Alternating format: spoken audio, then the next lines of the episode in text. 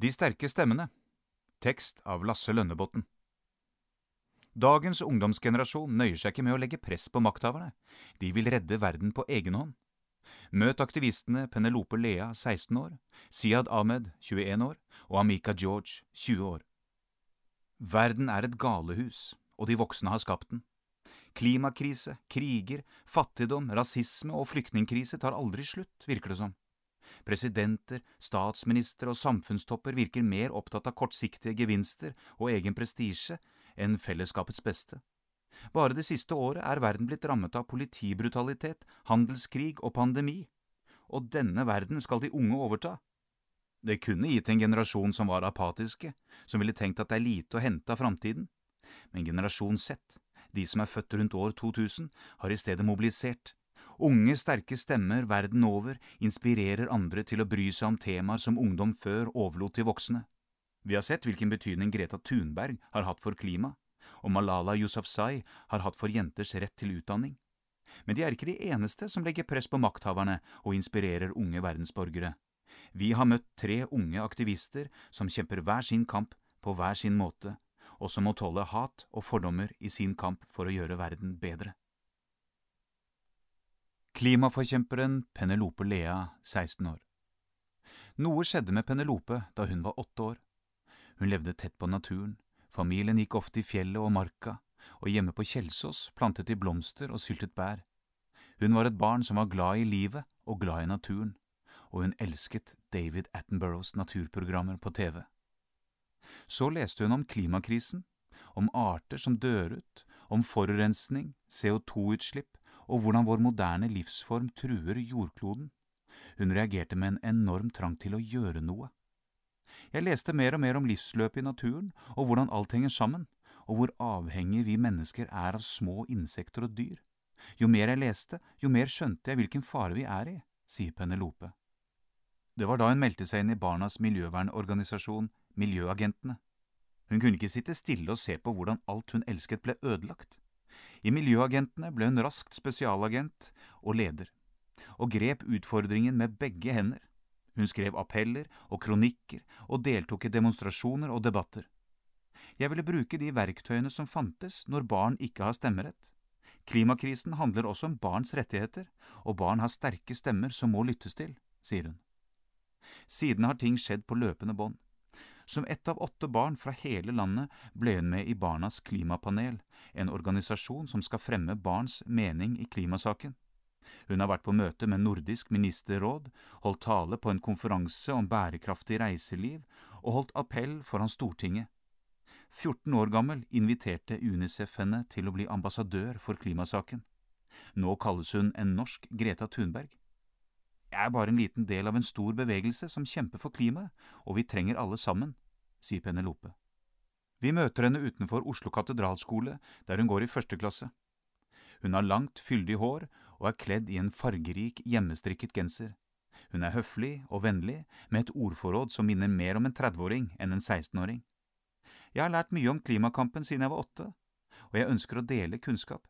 Med økt kunnskap om klimaendringene kan vi påvirke beslutningstakerne til å gjøre de systemendringene som trengs for å bevare så mye som mulig av livet på jorda, sier hun. Hun har smilet til et barn, men blikket til en voksen. Hun sier at det er mange som har inspirert henne.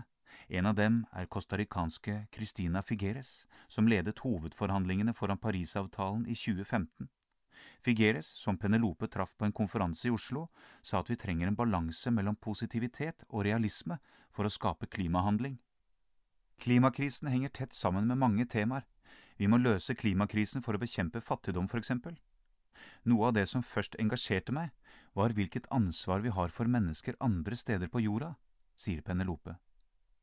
Nylig skrev hun en kronikk i VG med tittelen Sjokkerende tall om havene våre.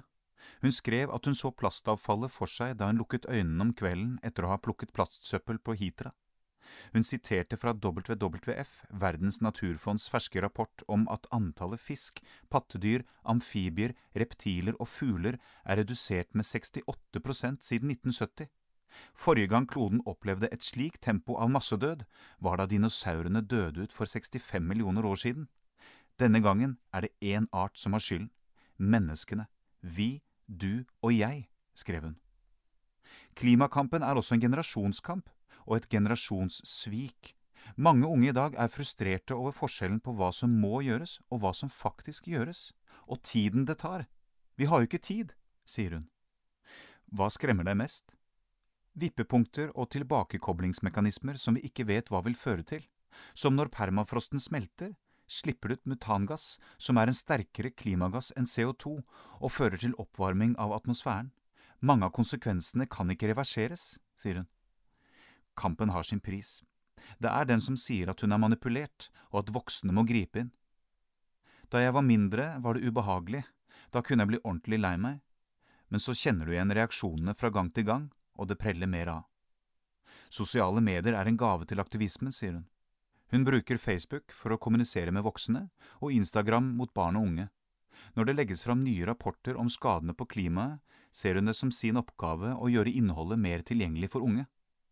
Min opplevelse er at mange er engasjerte, men trenger mer kunnskap. Jeg ønsker at politikere og andre samfunnsaktører formidler fakta om krisen vi er i på en skikkelig måte, uten andre motiver, manipulasjon eller hersketeknikk, sier Penelope. Hva er helt essensielt at dagens unge forstår om klimakampen? Hun trenger ingen betenkningstid. Karbonbudsjettet. Det er helt sentralt for å få solidaritet i klimakampen og endre måten vi lever på. Karbonbudsjettet handler om hvor mye utslipp vi har igjen for å holde oss under en temperaturøkning på jorda, og den må deles på hele verden. Hun sier at målet fra Parisavtalen i 2015 om å holde den globale oppvarmingen på under 1,5 grad snart allerede er urealistisk. Den 1. januar 2018 hadde verden 420 gigatonn igjen å slippe ut for å ha en 50% sjanse for å holde temperaturøkningen under 1,5 grad. Derfor må rike land som Norge kutte mye mer av sine utslipp, så mindre rike land kan få bedre levestandard. Norske politikere argumenterer med at uten olje- og gassproduksjon vil vi ikke fylle vårt energibehov.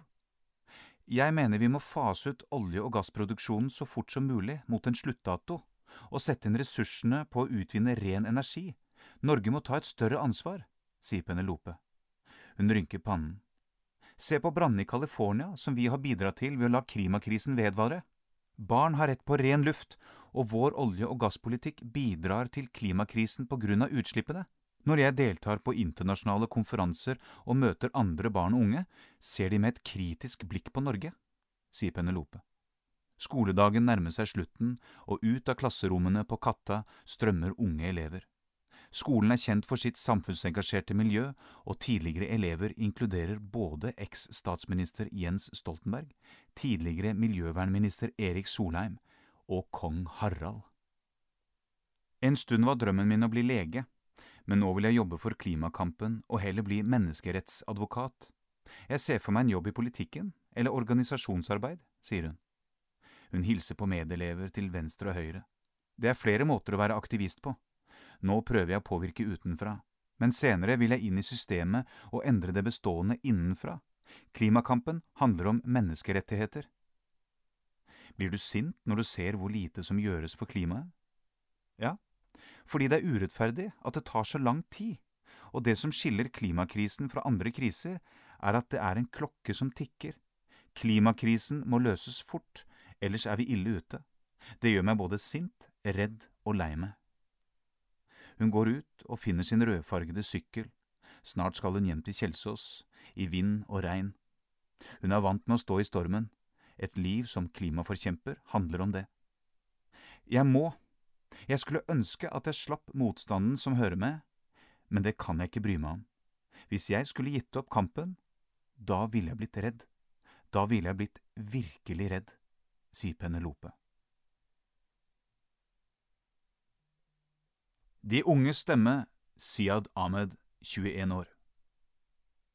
Han har talt foran næringslivsledere i Moskva og Mexico City, blitt intervjuet på CNN, er kåret til en av verdens 15 viktigste gamechangere og ble invitert til Det hvite hus av president Barack Obama. Men for Siad Ahmed begynte engasjementet da han gikk i åttende klasse. Som andre unge følte jeg at jeg ikke ble tatt på alvor. Så fikk jeg en idé, og sa til andre elever La oss starte en plattform der unge kan uttrykke seg, der de blir hørt, sier Ahmed. Året var 2013, og han startet Redify, en internasjonal ungdomsorganisasjon om sosial rettferdighet. Som amerikansk muslim med røtter fra Bangladesh hadde han selv opplevd fordommer og rasisme. Alle bør føle seg mektige nok til å utfordre makthaverne. Generasjon Z er morgendagens ledere, og det er ufattelig at mange debatter i dag foregår uten vår deltakelse. Vi driver fram trendene, forandrer kulturen og dominerer sosiale medier, så hvorfor skal ikke vi bli hørt? sier Ahmed. Nå titter Ahmed fram fra en videoskjerm i den amerikanske delstaten Connecticut, med to assistenter pålogget fra andre skjermer. For tre år siden etablerte han et firma, JUV Consulting, som skal hjelpe selskaper med å nå ut til unge, engasjerte mennesker. Det er blitt en jobb og en karriere, samtidig som han studerer ved Yale University, et av de beste universitetene i USA. Dagens problemer med rasisme, utenforskap og systematisk urettferdighet er for alvorlige til å ikke inkludere oss i debatten. Vi har en verden vi skal forandre, og er klare til å begynne i dag, ikke i morgen, sier han. Han kaller generasjon Z for the plurals, flertallet, og anslår at generasjonen teller omkring to milliarder mennesker verden over. Hva vil vi oppnå? Jeg vil at vår generasjon skal skape radikale endringer, da er min rolle å koble unge mennesker sammen og gjøre stemmene høylytte. Er det noen temaer du brenner mer for enn andre? Engasjementet kan ikke begrenses til ett tema. Vi kan ikke snakke om klimaendringer eller rasisme uten å snakke om fremmedgjøring og feminisme. Alt henger sammen. Han snakker raskt og ivrig. Det som er unikt med vår generasjon, er verktøyene vi bruker. Gjennom sosiale medier kan vi skape en bedre verden og fjerne hat og fordommer. Jeg ønsker ikke å leve i en polarisert og misinformert verden som vi gjør nå. Jeg vil leve i en opplyst og demokratisk verden, sier Ahmed. Møtet med Obama for fem år siden ble et avgjørende øyeblikk. Han var 16 år, gikk på videregående og hadde skrevet en artikkel om fordommer mot amerikanske muslimer. Samme dag ble artikkelen referert i en stor avis. Mens han satt i en kjemitime, ringte telefonen fra et ukjent nummer. Han svarte ikke, men etter timen ringte han tilbake, og en medarbeider fra Det hvite hus svarte. President Obama hadde lest artikkelen og var imponert. Noen uker senere ble Siad invitert til en middag i Det hvite hus for å feire det amerikansk-muslimske samfunnet. Flere hundre prominente samfunnstopper var invitert, og ham. Han kunne ikke tro det. Enda villere ble det da Obama hyllet Ahmed under middagen. Det er det mest surrealistiske jeg har opplevd. Det viste at du kan få hvem som helst til å lytte, bare du bruker verktøyene du har. Både før og etter middagen fikk han en kort prat med Obama. Han var utrolig snill, karismatisk og støttende. Det ga meg enorm inspirasjon til å fortsette å føle meg som en betydningsfull stemme. Hva synes generasjon Z om dagens lederskap i USA? Mange er sinte på systemet, og mye av sinnet er berettiget.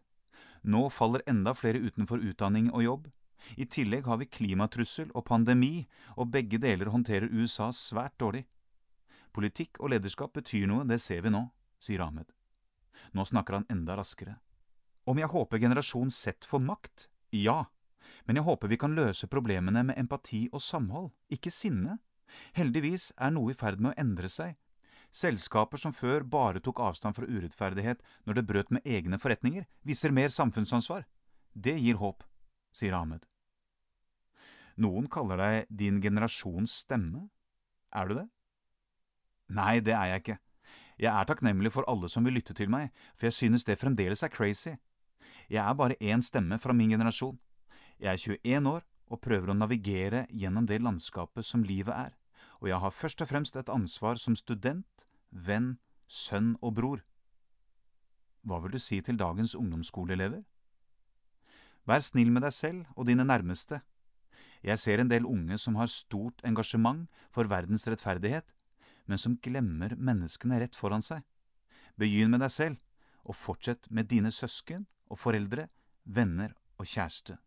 Og sist, men ikke minst, ikke undervurder den makten du har. Vår generasjon vil lykkes hvis vi tror på oss selv. La oss snakke om mensen. Amika George, 20 år. Hun var 17 år og skoleelev i Storbritannia da hun leste en artikkel i BBC som rystet henne. Jenter helt ned i elleveårsalderen blir hjemme fra skolen fordi de ikke har råd til bind. Det var et sjokk. I tillegg leste jeg at flere jenter brukte gamle T-skjorter, tørkepapir eller strømper i stedet for bind eller tampong.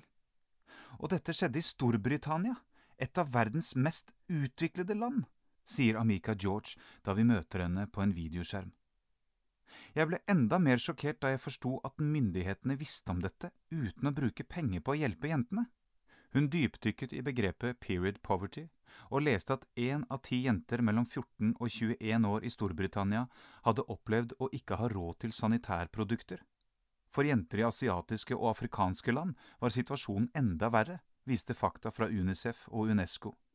Det tok ikke lang tid før hun reagerte. Hun etablerte Free Periods på sosiale medier, en kampanje som raskt fikk tusenvis av følgere. Dette handler egentlig om likestilling, for det er kun jenter som går glipp av skolegang på grunn av mensen.